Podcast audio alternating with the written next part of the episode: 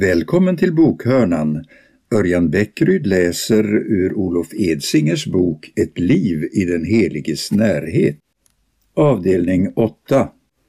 Bibeln säger att det är synden i människan som gör att upproret och oviljan att underordna sig inger en så stark känsla av frihet eller oberoende hos oss människor. Och förutsättningen för att denna känsla överhuvudtaget ska kunna infinna sig är förstås att det från början finns några normer att bryta mot. Som Paulus skriver, en gång levde jag utan lag, men när budordet kom fick synden liv och jag dog. Det visade sig att budordet som skulle föra till liv ledde till död.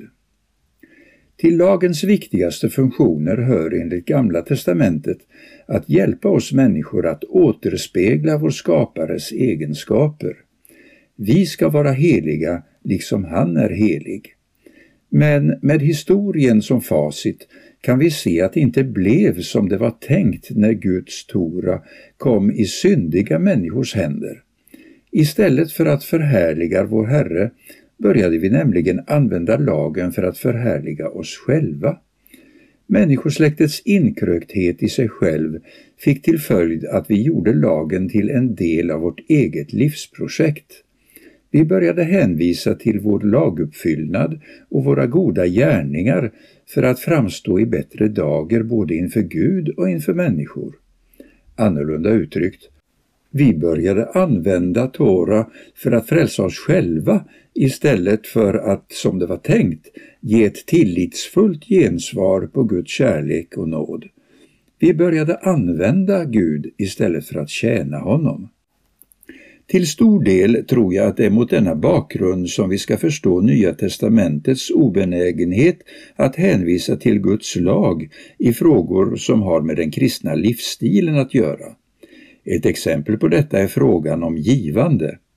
Ingenstans i Nya testamentet står det att den gammaltestamentliga lagen om tiondegivande är upphävd, men lika påfallande är att tiondet aldrig lyfts fram som en norm för den troendes givmildhet. Hur kan detta komma sig?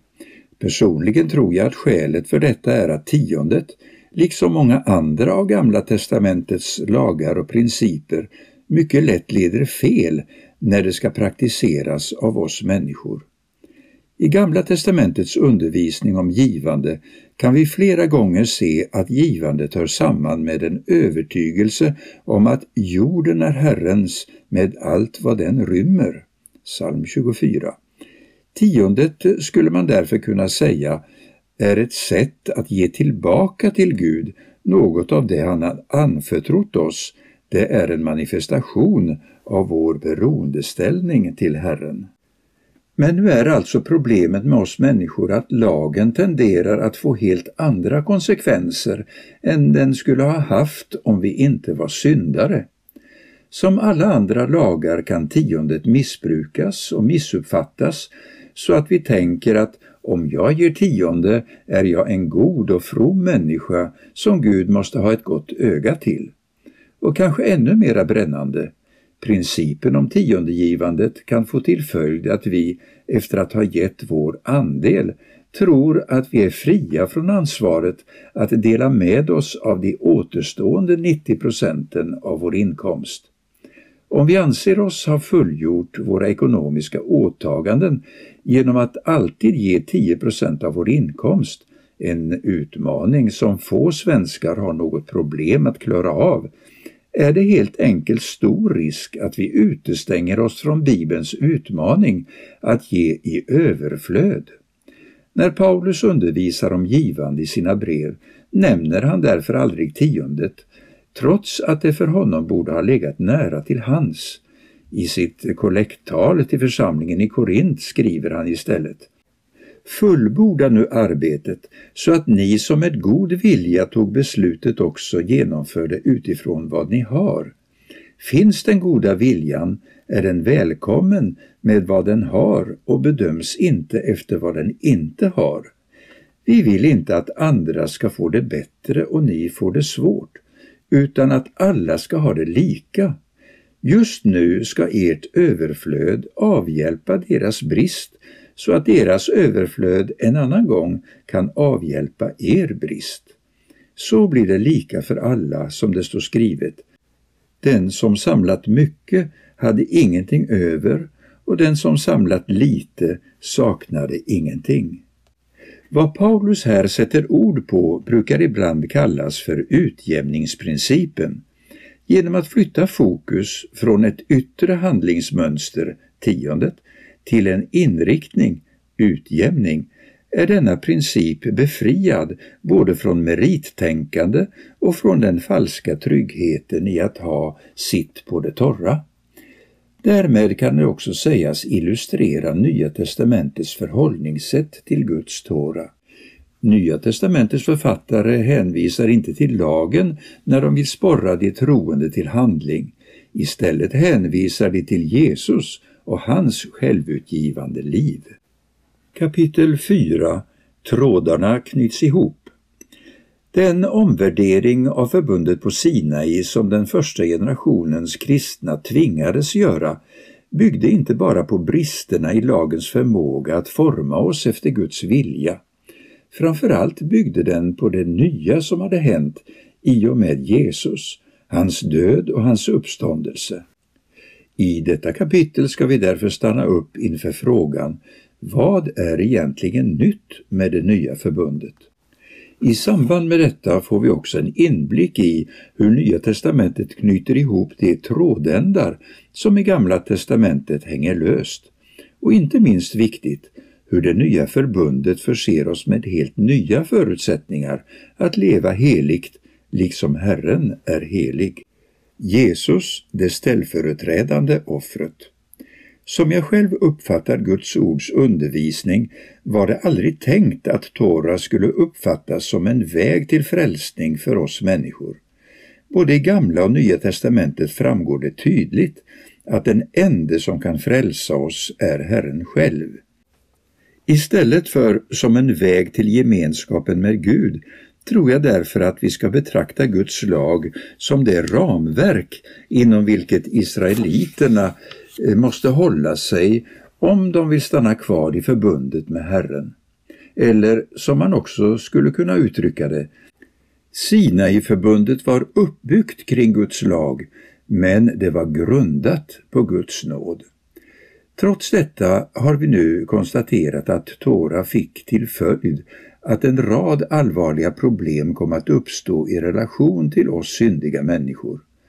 Både hos Israel och hos människosläktet som helhet kan vi exempelvis se att Guds vilja och lag leder till att synden provoceras fram snarare än försvinner.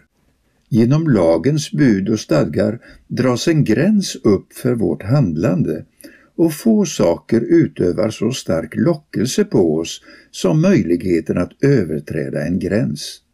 Dessutom kom lagen snabbt att bli insnärjd i vår jakt efter upphöjelse och bekräftelse. När vi talar om detta måste det stå fullkomligt klart att problemen i människans relation till Guds lag är precis lika aktuella för icke-judar som för judar. Genom Adam och Eva har vi alla blivit ställda inför Guds heliga vilja och enligt Bibeln kan därför alla människor sägas vara delaktiga i våra förfäders uppror mot Herren. Samma syndiga mönster som enligt Bibeln dök upp i de första människornas liv är med andra ord synligt också i våra egna liv. Alla människor har, oavsett ålder, kön och nationalitet, behov av förlåtelse och frälsning från synden. Enligt Bibeln är det just här som Jesus Kristus kommer in i bilden.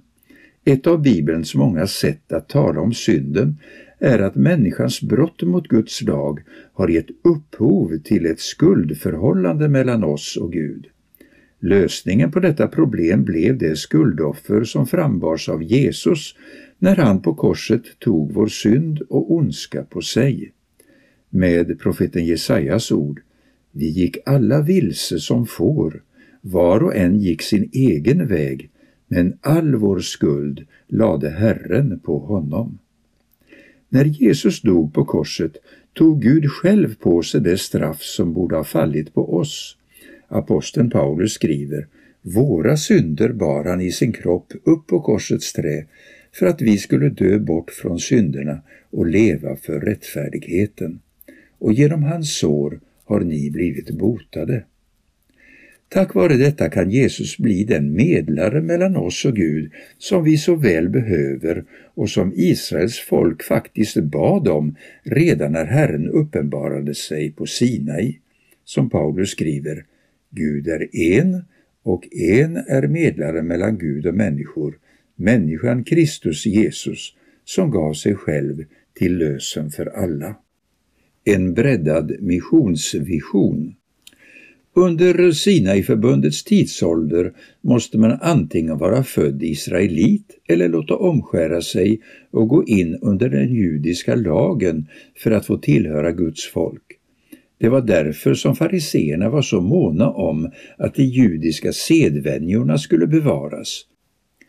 Men när Gud genom Jesus lade grunden för ett nytt förbund blev de regler som hade gällt förändrade för vilka som kunde ha gemenskap med Herren eller inte. I det gamla förbundet kan man säga att man blev frälst genom att tro på Gud och leva som jude. I det nya förbundet blir man frälst genom att helt enkelt tro på Guds son Jesus Kristus. När Jesus på korset tog på sig straffet för vår synd öppnar han en väg till sin fader som vi alla kan träda in på oavsett om vi är judar eller hedningar. Något av det viktigaste som hände i och med Jesu död och uppståndelse skulle med andra ord kunna beskrivas som att frälsningen hade blivit tillgänglig också för oss som har hedniskt, icke-judiskt ursprung. Genom Jesus har Gud skapat förutsättningar för att ett nytt gudsfolk ska se dagens ljus, ett folk som består av alla de människor som bekänner Jesus som sin Herre och Frälsare, som Paulus skriver. Men nu, genom Kristus Jesus, har ni som tidigare varit långt borta kommit nära genom Kristi blod. Han är vår frid, han som har gjort de två till ett och rivit skiljemuren, fiendskapen. I sin kropp har han satt lagen ur kraft med dess bud och stadgar för att i sig själv göra de båda till en enda ny människa och så skapa frid. Så skulle han försona de båda med Gud i en enda kropp genom korset, där han dödade fiendskapen. Han har kommit och förkunnat frid för er som var långt borta och frid för dem som var nära. Genom honom har vi båda i en och samma ande tillträde till Fadern. Därför är ni inte längre gäster och främlingar utan medborgare med de heliga och medlemmar i Guds familj. För oss som lever idag kanske detta budskap inte får oss att höja så mycket på ögonbrynen, men för en from jude på Jesu tid var det något av det mest kontroversiella man kunde säga. Även i den tidiga kyrkan fördes det därför en het debatt omkring detta.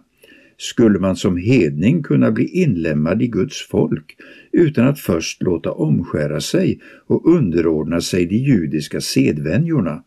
Eller måste man i praktiken bli jude innan man kunde bli kristen? Den som mer än någon annan gick i bräschen för att hedningarnas väg till Gud inte skulle göras krångligare än nödvändigt var aposteln Paulus. Redan i samband med sin kallelse hade han fått veta att han skulle predika för hedningarna och frågan om hedningarnas rätt till Kristus skulle sedan följa honom resten av livet. Flera av hans brev präglas mycket av hans brottning med denna fråga. Välkommen senare till uppläsningen av Olof Edsingers bok Ett liv i den heliges närhet, avdelning 9.